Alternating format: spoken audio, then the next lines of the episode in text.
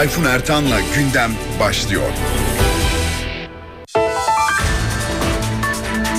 Saat 13 ben Tayfun Ertan NTV Radyo'da gündeme hoş geldiniz. Gelişmelerden özetlerle başlıyoruz.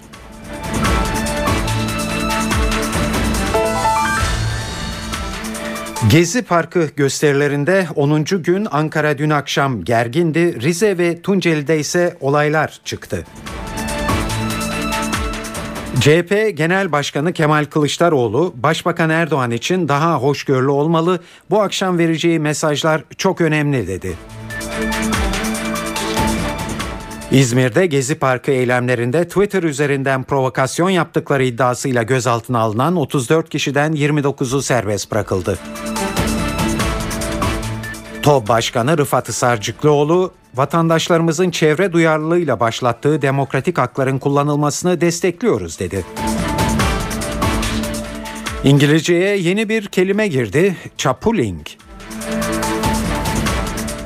Ve bugünkü konuğumuz anayasa hukukçusu ve AKP MKYK üyesi Osman Can.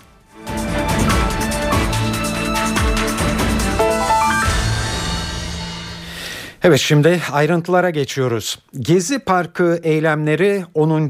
gününe girdi. Eylemlerin akıbeti açısından kritik bir gün bugün. Gözler Afrika turunu tamamlayıp yurda dönecek Başbakan Erdoğan'a çevrilmiş durumda daha şimdiden.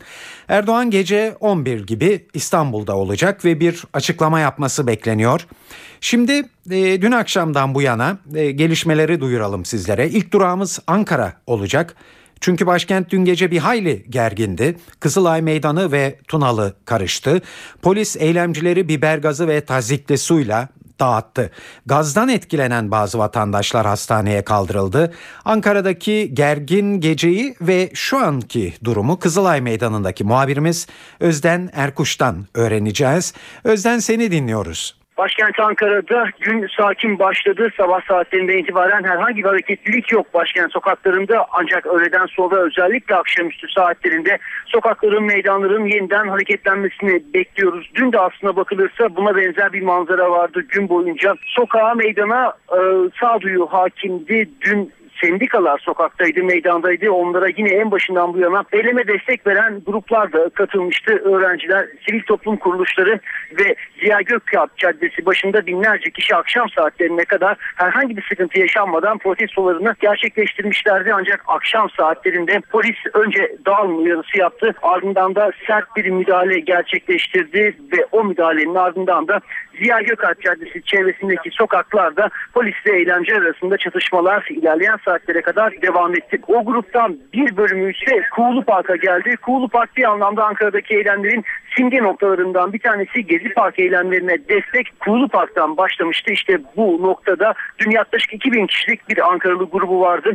Trafiği kapatmadılar. Kuğulu Park yakınlarında şarkılar söyleyerek sloganlarla protestolarını sürdürdüler. Ancak polis saat 21.30 sularında herhangi bir uyarı gerçekleştirmeden hem Kuğulu Park içerisine hem de Kuğulu Park'ın yanı başında bulunan Tunalı Hilmi Caddesi'ne gaz bombalarıyla ve tomalarla müdahalede bulundu. Ardından o 2000-3000 kişilik kalabalık kısa sürede sayısı arttı ve yine polisle çatışmalar başladı. Çatışmalarda gecenin geç saatlerine kadar başkent Ankara sokaklarında özellikle Tunalı Hilmi Caddesi'ne bağlı olan Tunalı Hilmi Caddesi yakınlarında olan Kennedy Caddesi'nde ve Tunus Caddesi'nde aralıksız devam etti. Bugün ise başkent Ankara düne nazaran daha sakin bir gün geçirmekle birlikte akşam saatlerinde özellikle Tunalı Hilmi olmak üzere pek çok noktada yeniden hareketlilik bekleniyor. Özden Erkuş, NTV Radyo, Ankara. Eylemler büyük kentlerle sınırlı değil. Özellikle Rize'de tansiyon dün akşam çok yüksekti. Atatürkçü Düşünce Derneği üyeleri Gezi Parkı'na destek için bir basın açıklaması yaparken başka bir grubun tepkisiyle karşılaştı. Çıkan kavga üzerine bir basın açıklaması e, yapan grup bir apartmana sığındı. Binanın önünde yüzlerce kişi toplandı. Polis dışarıdaki gruba biber gazıyla müdahale etti. Olaylar yatışmayınca Rize Belediye Başkanı Halil Bakırcı bölgeye giderek kalabalığı ikna etti ve derneğe sığınanlar da bir süre sonra polis kontrolünde dışarıya çıkartıldı. Tunceli'deki protestolarda gerginlik vardı. Kent merkezinde barikat kuran bir grupla polis karşı karşıya geldi. Taş atan bu gruba polis tazikli suyla müdahale etti. Ara sokaklarda göstericilerle polis arasında bir süre kovalamaca yaşandı. Ama olaylar kalabalığın dağılmasıyla sona erdi. Bir de Edirne'den e, bilgi verirsek polis ve göstericiler AK Parti il başkanlığının önünde karşı karşıya geldi.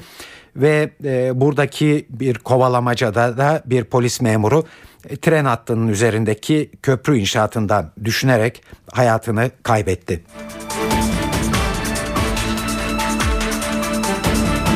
Gezi Parkı eylemlerine dönük olarak çok fazla açıklama yapmayan ana muhalefet partisi genel başkanı Kemal Kılıçdaroğlu bugün İzmir'de temaslarda bulunuyor. Kılıçdaroğlu burada başbakanın Kuzey Afrika dönüşünde alacağı tutuma değindi ve Erdoğan daha hoşgörülü olmalı. Bu akşam vereceği mesajlar çok önemli diye konuştu. Gezi Parkı olaylarının tüm yurt sattına yayılmasının temelinde Sayın Başbakan'ın kullandığı sert uslup vardır. Ülkeyi yönetenlerin daha kapsayıcı, daha barışçıl bir dil kullanması gerekiyor. Saçı çekilen bir kızın görüntüsü vicdanı olan hiç kimsenin kabul etmeyeceği bir görüntüdür. Gençler yeni bir hareketi başlattılar. Onlar barış istiyorlar, özgürlük istiyorlar. Kendi yaşam biçimlerine müdahale istemiyorlar. Onlar kendi kentlerine sahip çıkıyorlar. Eğer bir yeşil alanı imara açmak istiyorsanız referandum yapın. Orada yaşayan halk gidip oyunu kullansın. Sayın Başbakan bugün inince herhalde gazeteci arkadaşlarımız soracaklardır. İlk tepkisi Sayın Erdoğan'ın Cumhurbaşkanı nasıl bir ders aldı bilmiyoruz diyor. E herhalde kendisi inince gazeteciler sordukları zaman bu eylemlerden nasıl bir ders çıkardığını kendisi anlatacaktır. Biz de dinleyeceğiz. Evet gözler bu akşam Afrika seyahatini tamamlayıp Türkiye'ye dönecek olan Başbakan Erdoğan'da dedik. Eylemlere tepki gösteren kişilerin Başbakan Erdoğan'a destek amacıyla havaalanında bir karşılama töreni düzenleme ihtimaliyle ilgili olarak AKP sözcüsü Hüseyin Çelik'ten bir açıklama geldi.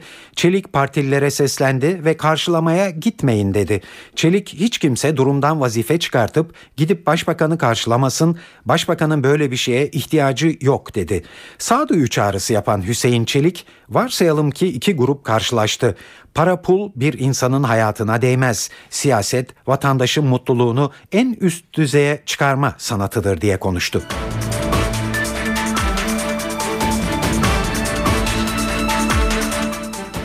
Evet Başbakan Erdoğan'ın Kuzey Afrika gezisinde yanında olan 9 gazeteciden biri Milliyet Gazetesi yazarı Nagehan Alçı e, ve kendisi bugünkü Milliyet'teki yazısında Gezi Parkı olaylarının Başbakanın üzerindeki e, etkisini e, anlattı ve dönüşünde acaba kucaklayıcı ve birleştirici mesaj verir mi sonusuna bir yanıt e, aradı. Nagihan Alçı şöyle yazıyor. Gözlemim ve yaptığım görüşmelerden çıkardığım şu. Başbakana hakim olan duygu hayal kırıklığı. Şöyle düşünüyor. Ben bunca yıldır canımı dişime takarak çalıştım, suikast girişimleri atlattım, darbe girişimlerine direndim, askeri vesayetle mücadele ettim, terörü bitirmek için en büyük riski aldım, %50 desteğim var, bana oy vermeyen %50 de kabulüm, Herkes bize destek verecek diye bir şey yok ama bunca emekten sonra ortaya çıkan bu görüntü, bu şiddet, bu batıda bir anda alevlenen olumsuz kampanyalar Kısacası hak etmediğini düşündüğü bir tabloya karşı öfke duyuyor başbakan. Bir de bunca mücadeleden sonra taviz verir görüntüsünün acziyet yaratacağına inanıyor. Diyelim Topçu Kışlası'ndan vazgeçildi. Ya 3. köprünün iptali için de aynı yönteme başvurulursa ya da Kanal İstanbul yapılmasın diye ortalık böyle terörize edilirse bunun sonucu neye varır? Evet Nagihan Alçı e, Milliyet gazetesinde Başbakan Erdoğan'ın Gezi Parkı olayları hakkındaki e, düşüncelerini bu şekilde yansıtıyordu. İzmir'de Gezi Parkı eylemlerinde Twitter üzerinden provokasyon yaptıkları iddiasıyla gözaltına alınan 34 kişiden 29'u serbest bırakıldı. 5 kişinin sorgusu ise sürüyor. Twitter'ın işlevini İzmir'deki örnekten yola çıkarak Radikal Gazetesi Ankara temsilcisi Deniz Zeyrek NTV Radyo için yorumladı. Zeyrek kentte kameralara yansıyan ve tep- tepki toplayan eli sopalı sivil polislerin Twitter sayesinde açığa çıktığını söyledi ve bu mecranın önemine vurgu yaptı. Zeyrek bu sivil polisler hakkında soruşturma açılması gerektiğini de söylüyor. İzmir'de e, gerçekten Twitter çok önemli bir işlev gördü. Sosyal medya en azından e, İzmir valisinin başlangıçta kabullenmediği o eli sopalı e, insanlara saldıran, dayak atan eli sopalı sivillerin kim olduğunu sosyal medya ortaya çıkardı. Ve ikinci gün İzmir em- Emniyet Müdürü bunu kabul etmek zorunda kaldı. Bunlar sivil polislerdir diye. Şimdi bu polislerin neden olduğu öfkeyi sorgulamak yerine o polislerin yarattığı manzarayı paylaşanları gözaltına almak biraz demokratik açıdan sorumlu bir yaklaşım. Bence önce o Twitter'ın Twitter kullanıcılarının ortaya çıkardığı e, bu yasa e, ihlalini, görev ihlalini sorgulamak lazım. Önce onlardan hesap sormak lazım. Ben çok merak ediyorum. İzmir Emniyet Müdürü bunu resmen kabul ettiği halde şu ana kadar o eli sopalı polislerden kaç tanesi sorguya alındı, kaç tanesinin ifadesi alındı, kaç tanesi hakkında işlem yapıldı. Böyle de bir çarpıklık var ne yazık ki. Ama Türkiye'de düşünce özgürlüğü açısından bakıldığında sosyal medyanın kontrol altına alınma çabaları biraz sağlıksız da gidiyor. İki şeyin altını çizmemiz lazım. Bir, e, bu provokasyona açık bir ortam, e, teyide muhtaç bir ortam, gerçekten suistimal edilme potansiyeli de yüksek bir ortam. Burada hem kullanıcılara çok büyük görev düşüyor, e, hem işte kamunun ilgili otoritelerine çok büyük görev düşüyor. Yani e, İzmir'de dershaneye giden bir öğrencinin e, herhangi bir saatte attığı tweet'i bulup onun üzerine gitmek yerine e, daha organize olmuş, aynı saatte aynı merkezlerden açılmış e, ve aynı türden mesajlar yayanları tespit etmek daha önemli. Evet Gezi Parkı eylemleri önemli bir mecranın da yükselişine sahne olmakta. Zaman zaman dezenformatif bilgiler yer alsa da sosyal medya, özellikle Twitter, kitleleri anında olan bitenler hakkında bilgilendiriyor. Twitter'da son bir haftadır milyonlarca tweet atıldı, fotoğraf paylaşıldı. Hatta bu dönem düşünüldüğünde Türkiye dünyada Twitter'ın en aktif kullanıldığı ülke oldu. Twitter siyasi bir tartışmaya da neden olmuş görünüyor. Başbakan Erdoğan'ın bela olarak tanımladığı bu mecraya bugün MHP Genel Başkanı Devlet Bahçeli'den destek çıktı. Bahçeli dün gece kandil mesajı yayınladı ve Twitter'ı bela olarak görmüyorum, bela olarak görenlere de bu ortamlardan uzak durmalarını öneriyorum dedi. Türkiye'de demokratik haklarıyla, bireysel özgürlükleriyle, kimlikleriyle ve gelecekleriyle ilgili haklı endişe taşıyan muazzam sayıda insan olduğunu ifade eden Bahçeli, bu haklı talepler karşılığında yapılan eylemlerin meşru olduğunu söyledi. Bahçeli ayrıca eylemcilere kötü niyetli planlara dikkat edin uyarısında da bulundu.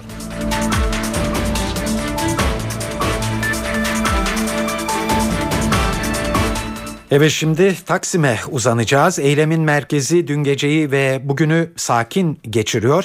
Ama e, bu akşam Gezi Parkı'nda sanatçıların bir konser vermesi bekleniyordu. Bunun iptal edilmesi olasılığı var. Dolayısıyla bu konuda ve genel izlenimleri anlamında NTV muhabiri Burak Özcan'ı dinliyoruz şimdi. Burak merhaba.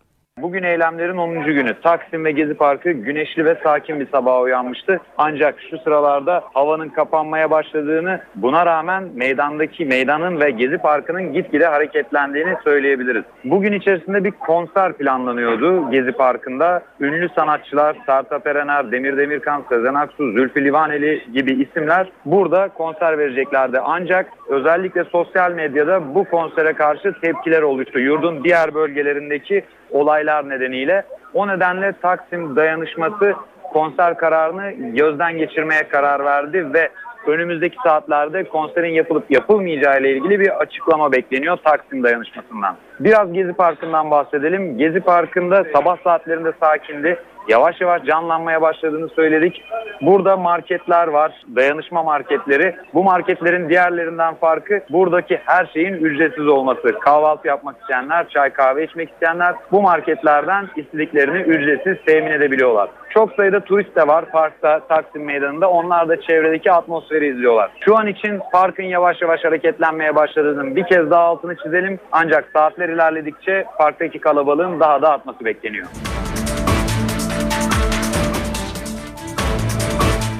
Saat 13.15 şimdi bir ara vereceğiz e, gündem e, programına. Döndüğümüzde bir canlı konuğumuz var. Bu olayları e, görüşmek üzere anayasa hukukçusu ve AKP MKYK üyesi Osman Can.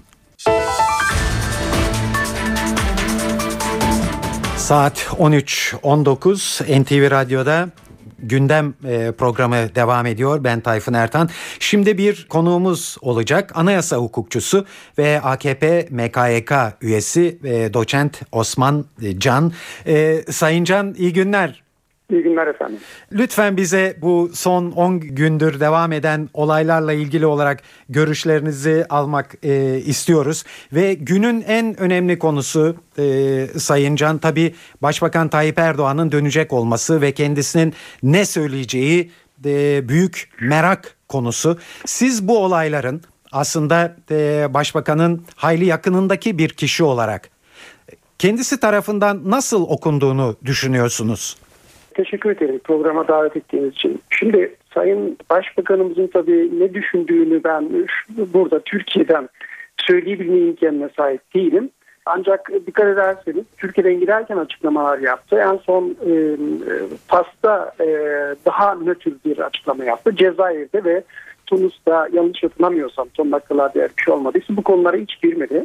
Muhakkak ki o da bu olguları değerlendiriyor, analiz ediliyor e, analiz ediyor ve Türkiye'ye döndüğü zaman e, bütün bunların hepsinin e, bir şekilde değerlendirilmesi çerçevesinde topluma bazı mesajları olacaktır. Ben bu konuda herhangi bir yanlış bilmiyorum. Ama kendi yaklaşımını ben size e, burada tabii iletebilirim. Tabii ki efendim. Son 10 yılda Türkiye'de e, yani bir taraftan e, kaygı uyandıracak ama diğer taraftan da aslında umut uyandıracak hadiseler gerçekleşmekte işte e, başbakanımızın üslubu ya da işte falancaların şöyle katkısı vesaire bütün bunlar şöyle bir kenara bıraktığımız zaman aslında ortada çok ciddi bir yapısal sorun olduğu açık. Bu yapısal sorun toplumsal e, toplumun bütün farklılıkların kendine siyasal süreçlere e, kanalize edememesinden kaynaklanmakta. Yerelden başlayarak yani örneğin Gezi Parkı ile ilgili ya da oradaki imar düzenlemeleriyle ilgili konuda yerelin yerel aktörlerin dahi bu konuda çok fazla söz sahibi olmadığı ve bütün e, kararların merkezden verildiği bir Türkiye tablosu var. E, ama gerçek olan şudur. Bu Türkiye tablosu 1924'ten bu yana bu şekilde. Yani aslında ortada çok ciddi bir yapısal sorun vardır. Bizler yaşadığımız şehirler hakkında kararlarımızı çok fazla verebilme imkanına sahip değiliz. İkinci olarak sadece yerel meselesi değildir. Türkiye'de muhalefetin aynı zamanda yetersizliğinden de kaynaklanıyor ama muhalefetin yetersizliğini de ben kişisel olarak Türkiye'de anayasal düzenin toplumun bütün farklılıkların katılımına imkan sağlamamasından kaynaklandığını düşünüyorum. Belli bir proje, Kağıt Parti önemli bir e, toplum projesi, önemli bir siyasal proje, ekonomik proje ortaya koymuştur ve bu konuda dünyada takdir almış olan bir partidir. Ancak tek bir partiyle olabilecek bir şey değildir. Bir ülkenin demokratikleşmesi tek bir partinin sırtına da yüklenebilecek bir şey değildir. Diğer siyasi partilerin de bu konuda herhangi bir proje üretememesi de sadece agresif, e, şöyle söyleyelim, tepkisel bir dil üretmiş olması ve sadece istemiyoruz şeklinde bir dil üretmiş olması, dolayısıyla bir proje üretebilmiş olması elbette sosyolojik açıdan bakıldığında, sosyal psikoloji ve siyasi psikoloji açısından bakıldığında iktidar partisinin de belli noktalarda duyarlılığını hafifletme e, gibi bir durum ortaya çıkarmış olabilir. Bu tabloyu görüyoruz. Bu, bu hepimizde bir şekilde vardır. Dolayısıyla Mesele bugün artık AK Parti'nin doğrudan doğruya ya da Başbakan doğrudan doğruya ya da işte şu an itibariyle diyelim Kılıçdaroğlu'nun doğrudan doğruya, Sayın Devlet Bahçeli'nin doğrudan doğruya suçlanması meselesi değil. Mesele Türkiye'nin bir yapısal meselesidir. Bu yapısal mesele üzerinde kafa yormadığımız zaman Türkiye'de bu tür krizlerin çözümlenebilmesinin imkanı yoktur ve tekrarlanacaktır. Bunu çok iyi bir şekilde düşünmemiz lazım. Ee, diğer siyasi partilerin de bunu düşünmesi lazım. Hı hı. AK Parti'nin de bunu yeniden birinci sıradaki önceliği haline getirmesi lazım. Ki evet. burada geleceğin nokta şudur. E, evet. Anayasa meselesi katılımcı, çoğulcu, yerelden başlayarak toplumun katılabildiği, kararlarına etkide bulunduğu, dolayısıyla benim kararım diyebildiği, dolayısıyla benim şehrim diyebildiği benim iktidarım ve benim ülkem diyebildiği, benim başbakanım, benim cumhurbaşkanım vesaire diyebildiği, benim muhalefet partisi diyebildiği bir anayasal düzen. Evet Temel Osman Bey, e, evet bu teşhisleriniz aslında bu 10 gündür yaşanan olaylar olmasa da sizin zaten her zaman e, vurguladığınız teşhisler. Ama bu acaba şöyle, şu sadece, son 10 günün... Müsaadenizle şunu lütfen Tabii, tabii buyurun unutmayın. buyurun. Sadece ortaya koyduğum tespitler değil, aynı zamanda şunu söyledim eksik ve yetersiz bir demokratik katılımla Türkiye ilan nihayet sürdüremezsiniz. Bunu yazılarında da dile getirdim. Bunu kendi partimde de dile getiriyorum.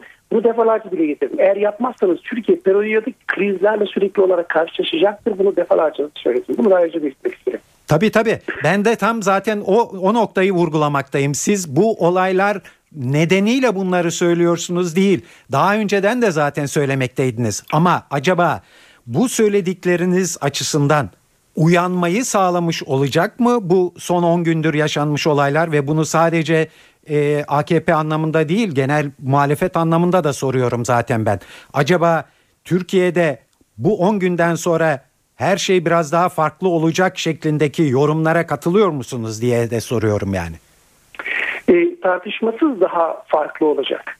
E, şimdi Cumhuriyet Halk Partisi sonuçta hangi değerlere referans verirse versin ama sonuçta barışını sağlamış bir Türkiye'ye referans veriyor vermek zorunda. O o konuda söylemlerini revize edecektir. Milliyetçi Hareket Partisi aynı şekilde o konuda söylemlerini revize edecektir. Kürt hareketi de bu konuda söylemlerini yeniden revize etmek durumundaki ediyor zaten. E, AK Parti de herkes önceliklerini yeniden gözden geçirecektir. Anayasa zaten öncelikti. Ama anayasa konusunda bazı öncelikler geride kalabiliyor. Yani şöyle söyleyelim. Sürekli hayır yeni anayasa istemiyoruz ya da hayır efendim şunu istemiyoruz bunu istemiyoruz dediğimiz zaman olay başka bir şekilde gerçekleşiyor. Ama ben bunu çok net olarak söyleyeyim. AK Parti'de bu konuda e, yeni anayasa konusuna daha e, esaslı bir şekilde vurgu yapma ihtiyacı hissedecektir. Biz sürekli olarak bunun vurgusunu yapıyoruz ama bu artık yeni bir öncelik hale e, öncelik e, Türkiye'nin önceliği haline getirilecektir. Bunun bir an evvel çözülmesi zaten şarttır. Biz bunu görüyoruz. Yani e, Türkiye şu an itibariyle artık kendi çocuklarının geleceğinin e, cebinden yemeye başladı. Onun sermayesini tüketmeye başladı. Bu, bu hepimize bir şekilde zarar veriyor. O yüzden hepsinin bu noktada sonuçta Türkiye sevdasıyla, Türkiye sevgisiyle, Türkiye'nin özgürlükçü ve demokratik bir ülke olma hayaliyle bu sürece daha pozitif bir katkı sağlayacağını ben düşünüyorum. Anayasa Uzlaşma Komisyonu'nun bu konuda yeniden bir hız kazanacağını, inisiyatif üstleneceğini ve hızlanacağını düşünüyorum. Hatta öyle olması gerekliliğini hem kendi partimden insanlar hem de diğer partiden e, oradaki e, üyelere ben salık veriyorum. Onlardan da aynı şekilde de rica ediyorum. Bunlar olacak. E, başka türlüsü yok bunun. Osman Bey e, bunlar tabii önümüzdeki günlere yönelik düşünceler ama şu anda ortada bir halledilmesi gereken de çok sıcak e, sokakların yatışması anlamında da yapılması gereken, atılması gereken adımlar var ve e, ilk başa ilk baştaki soruya birazcık da tabii dönerek acaba bu anlamda beklenen AKP'den bekleniyor, başbakandan bekleniyor. Siz ne söyleyeceğini tabii bilemeyeceksiniz başbakanın ama ne yapması ve ne söylemesi gerektiği konusunda düşünceleriniz var mı?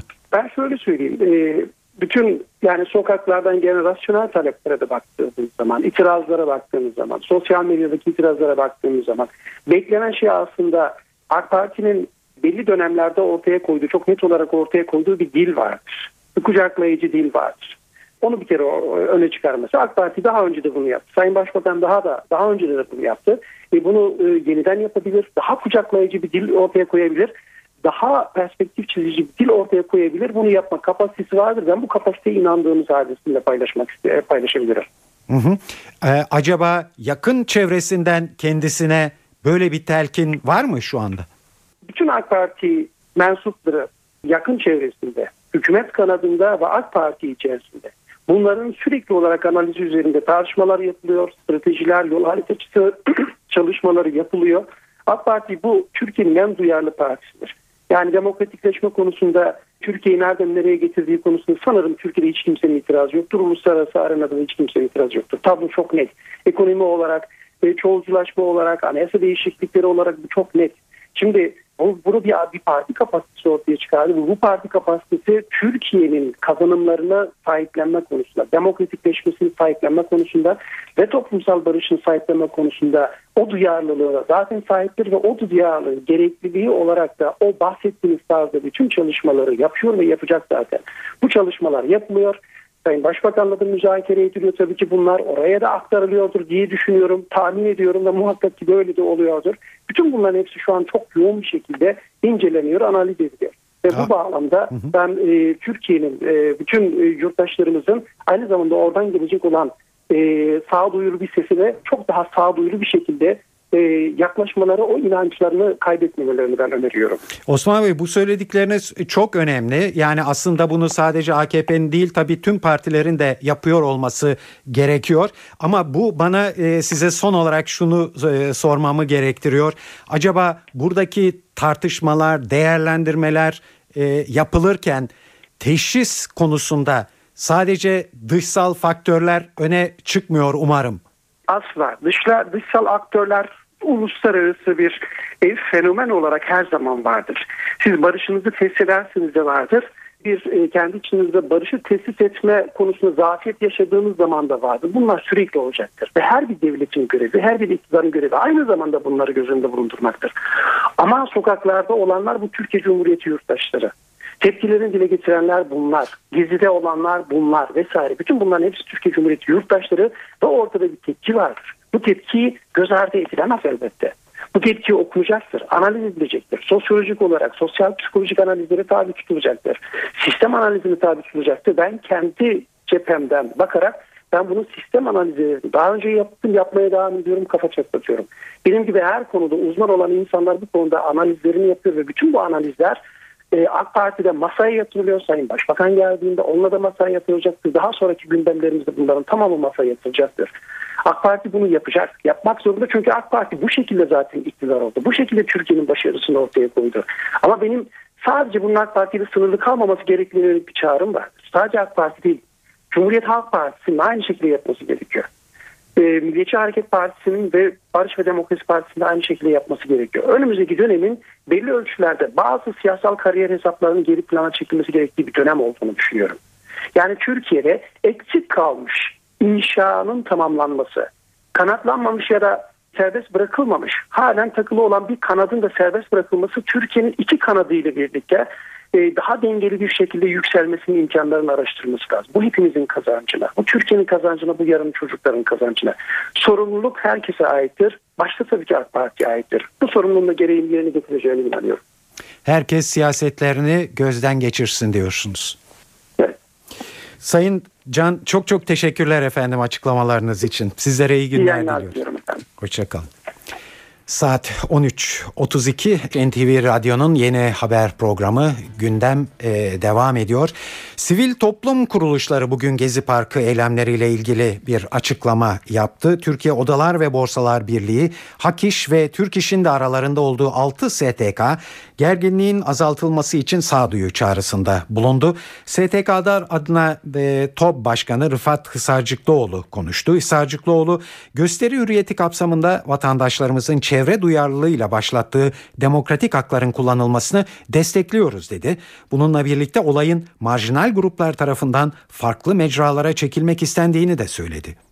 Vatandaşlarımızın hukuk kuralları çerçevesinde taleplerini dile getirmesi en tabii vatandaşlık hakkıdır. Gösteri hürriyeti kapsamında vatandaşlarımızın çevre duyarlılığı ile başlattığı demokratik hakların kullanılmasını destekliyoruz. Ancak son günlerde gösterilerin marjinal gruplar tarafından farklı mecralara çekilmek istendiğini, gelişmelerin ülkemiz üzerinde kötü emelleri olanlara hizmet etmeye zemin hazırladığını üzülerek görüyoruz. Tüm dünya sorunlarla boğuşurken herkesin bakışlarının yükselen Türkiye üzerinde odaklandığı bu dönemde huzura ve istikrara her zamankinden daha fazla ihtiyacımız var. Şunu kimse unutmamalıdır ki sokakların huzur ve güveni çocuklarımızın ve Türkiye'nin geleceği açısından son derece önemlidir. Şiddet ve kavga hiçbir şeyi çözmediği gibi sorunları içinden çıkılmaz hale getirir. Hiçbir hak arayışı vatandaşlarımızın can ve mal güvenliğinin tehlikeye sokulmasına, esnafın, tüccarın mağduriyetine ve vatandaşlarımızın vergileriyle temin edilen kamu mallarına zarar verilmesine gerekçe olamaz. Samimi vatandaşlarımız bu hususta duyarlılık içerisinde olmalı ve yakma yıkma gibi suç teşkil eden fiillerin hak ve özgürlükleri gölgelemesine izin vermemelidir. Her koşulda demokrasi içinde ve demokratik kurum ve kurallara saygılı olarak hareket edilmelidir. Devletimiz ve kurumlarımız da samimi vatandaşlarımızın demokratik haklarını kullanmalarına sonuna kadar imkan sağlamalıdır. Türkiye demokrasisi ve hukuk standartlarıyla bu olayları kısa sürede atlatacak güçtedir. Evet Gezi olayıyla ilgili haberlerimizi tamamlayacağız bir son haberle ve bu haberimizi bir sözcük oluşturmakta. Gezi protestoları İngilizceye yeni bir sözcük çok soktu. Chapuling bu sözcük. Fiil olarak çapulculuk. Wikimedia'yı açarsanız bu kelimenin İstanbul'daki 2013 eylemlerinden kaynaklandığını okuyacaksınız. Ancak sözcük İngilizceye eylemlerin amacını ifade eden bir mana ile girmiş. Bu mana da hak için mücadele etmek olarak tanımlanıyor. Ancak Wikipedia bu kelimenin daha geniş olarak da kullanılabileceğini yazıyor İngilizce'de artık. Chapuling'in geniş anlamı hükümetlere var olmalarının nedenlerini barışçıl ve esprili bir şekilde hatırlatarak bir ülkenin demokrasisini bir adım ileri götürmek olarak tanımlanmakta. Evet, gizli protestoları İngilizceye yeni bir kelime sokmuş oluyor chapuling.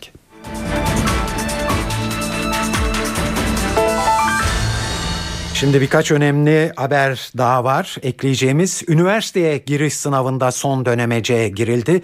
Lisans yerleştirme sınavı için geri sayım başladı.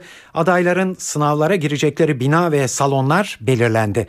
Adaylar ÖSYM'nin internet sitesinden bu bilgilere ulaşabilecekler ve bu bilgilerin çıktısının alınması gerekiyor. Çünkü ÖSYM tarafından ayrıca sınava giriş belgesi gönderilmeyecek. LSY'ye ait fotoğraflı giriş belgesini yalında bulundurmayanlar sınava alınmayacaklar.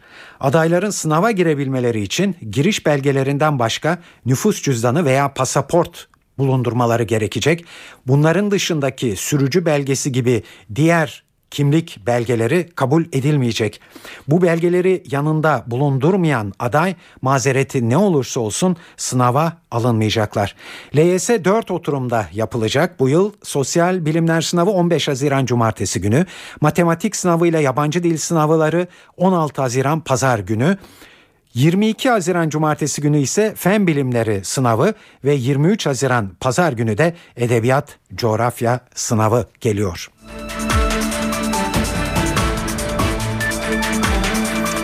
Suriye ile ilgili önemli bir gelişme Rusya, Amerika ve Birleşmiş Milletler Suriye konusunda Cenevre'de yapılması planlanan görüşmeler için anlaşamadı. Böylece Haziran ayında yapılması planlanan görüşme ertelendi. Anlaşmaya varılmayan konu Suriyeli tarafların görüşmelerde nasıl temsil edileceği. Rusya Dışişleri Bakan Yardımcısı Gennady Gatilov tarafların temsili konusunda yol alınamadı. Cenevre'ye muhaliflere destek veren Suudi Arabistan ve Esad rejimini destekleyen İran'ın da davet edilmesi konusunda uzlaşma sağlanamadı dedi. Esad yönetimi Cenevre barış görüşmeleri için masaya oturmaya hazır olduğunu açıklamıştı. Ancak muhalifler Esad görevi bırakmazsa Cenevre toplantısına katılmayız demişlerdi. Evet hareketli bir gündemin e, sonuna geldik. Veda etmeden bugün spor dünyasında neler olup bittiğine de bakalım şimdi. Fenerbahçe Bruno Alves'i kadrosuna kattı. Sarı lacivertler Portekizli futbolcuyla 3 yıllık anlaşma yaptı. Fenerbahçe kulübü Bruno Alves transferiyle ilgili ayrıntıları kamuoyu aydınlatma platformuna bildirdi. Buna göre Sarı lacivertliler Portekizli futbolcu için kulübü Zenit'e 5,5 milyon euro ödeyecek. Açıklamada Bruno Alves'te 3 yıllık sözleşme yapıldı ve yıllık 2,5 milyon euro garanti ücret ödeneceği bildirildi. Bruno Alves 2010 yılında Porto'dan Zenit'e 22 milyon euro karşılığında gitmiş ve Avrupa'nın en pahalı savunma oyuncuları arasında yer almıştı. Fenerbahçe'de Bruno Alves'e başlayan transfer hareketliliği sürüyor. Sarı lacivertler forvet transferinde Benteke'yi renklerine bağlamak için girişimlere başladı. Sol bek içinde Asu Ekoto ve Mikael Katlek isimleri gündemde. Galatasaray Sivasspor'dan Erman Kılıcı transfer etti. Sarı Kırmızılar 3 yıllık anlaşmaya vardı Erman için bonservis ücreti ödemeyecek. Beşiktaş'ta transfer çalışmaları sürüyor. Futbol Genel Direktörü Önder Özen'in raporunu görüşen Futbol Komitesi, teknik direktör konusunda Prosuneçki ismi üzerinde fikir birliğine vardı. Kaleci Tolga Zengin'in transferinde de son aşamaya gelindi. Beko Basketbol Ligi'nde şampiyonluğu belirleyecek playoff final serisinin ilk maçında Galatasaray Medikal Park güldü. Banvit'i 79-62 yenerek üst üste 23. galibiyetini elde eden Sarı Kırmızılarda Gordon, Arroyo ve Markoşvili toplamda 48 sayı attı. Serinin ikinci karşılaşması yarın saat 20.30'da yine Abdü İpekçi Spor Salonu'nda oynanacak. Saat 13.42 bugün de e, gündem programını kapatma zamanı geldi. Bu yayının editörlüğünü Sevan Kazancı, stüdyo teknisyenliğini Murat Çelik yaptı. Ben Tayfun Ertan. Hepinize hoşça kalın diyoruz e, ve saat 18'de eve dönerken haberlerde yeniden buluşmak üzere.